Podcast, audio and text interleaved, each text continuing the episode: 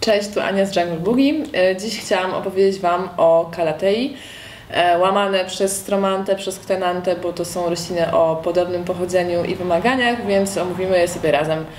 E, Często o nie pytacie, bo nie są takie super, hiper najłatwiejsze, ale spokojnie kilka wskazówek i myślę, że sobie z nimi poradzicie. Są to rośliny, które pochodzą z dolnej warstwy lasów tropikalnych. E, Pomyślmy więc szybko o warunkach, w jakich żyją. Jest tam e, ciągle wilgotno, bardzo ciepło, e, a mm, nie dochodzi do nich duża ilość promieni słonecznych, gdyż są one zatrzymywane przez górne partie lasu, przez, przez korony drzew.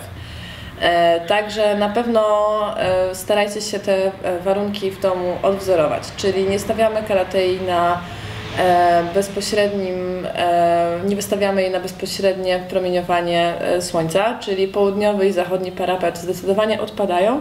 To może być miejsce jasne, ale z rozproszonym światłem. Może być miejsce troszeczkę bardziej cieniste, odsunięte od okna. E, One są przystosowane do nie za dużej ilości światła, mm, o czym też świadczą ich liście, spody, które są fioletowe lub czasami też brązowe i po prostu zatrzymują e, światło e, w liściu, nie odbijają go i pozwalają roślinie się rozwijać e, z taką niewielką ilością e, promieniowania słonecznego. E, Jeśli chodzi o ziemię, mm, dobrze, żeby podłoże było dość przepuszczalne, czyli możecie sobie dosypać do ziemi na przykład perlit. E, I ważna sprawa, mm, kalatei nigdy nie przesuszamy. Nie doprowadzajcie do tego, że ziemia wyschnie na wiórek, bo wtedy liście kalatei zrobią się e, suche, kruche, takie chrupiące e, i z- zbrązowieją końcówki lub całe liście, będą się też tak mocno zwijać i stracą całą swoją jędrność i atrakcyjny wygląd, czyli podłoże dość wilgotne przez cały czas, ale też nie przesadzajcie, żeby nie było tak, że ziemia jest non-stop mokra, bo wtedy korzenie mogą zgnić. E, ważna sprawa, jeśli chodzi o podlewanie. E, kalate są chyba najbardziej ze wszystkich roślin wrażliwe na podlewanie zimną kranówką. E, Także tutaj e, warto zadbać o to, żeby podlać je e, wodą przygotowaną, najlepiej odstaną, ewentualnie wodą z tego dzbanka z filtrem, bo one bardzo źle znoszą e, kamień i związki mineralne obecne w wodzie z kranu i bardzo szybko zaobserwujecie, podlewając kranówką coś, co wygląda w ten sposób, czyli takie zbrązowiałe krawędzie lub końcówki e, i ona po prostu będzie wyglądała mało atrakcyjnie. Czasem jest tak, że pomimo pomimo podlewania przygotowaną wodą i wszelkich jakby zabiegów poprawnie wykonanych z naszej strony, e, roślina i tak e, ma te zbrązowiałe końcówki. Może być tak, że ona mm, w ten sposób odchorowuje e, e, mm, to, że e, przyjechała do nas ze szklarni, gdzie miała u producenta idealne warunki, wilgotność, temperaturę, światło, e, no i teraz musi się na nowo zaadaptować do warunków, które są w naszym domu, więc tak może się zdarzyć.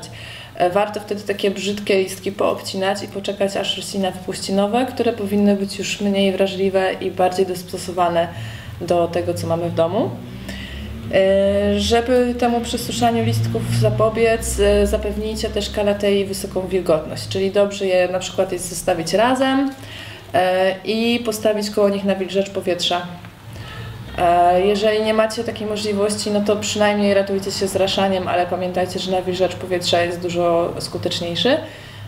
I ostatnia chyba ważna bardzo rzecz przy kalatei, nie trzymajcie jej w pobliżu grzejników, e, kaloryferów, klimatyzatorów, bo one mm, tego bardzo nie lubią, źle na to reagują e, i są podatne na ataki przędziorka, czyli takiego małego pajączka, który bardzo szybko y, potrafi roślinę nam zniszczyć i zjeść, e, a właśnie lubi suche powietrze.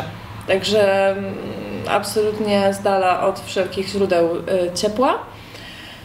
E, Z ciekawostek jeszcze czasami na tą roślinę e, po angielsku się mówi prayer plant, e, ze względu na to, że ona jest bardzo ruchliwa w ciągu doby, reaguje na noc i dzień, otwierając i składając swoje liście. Te ruchy są naprawdę widoczne gołym okiem i faktycznie to wygląda tak, jakby ona się modliła.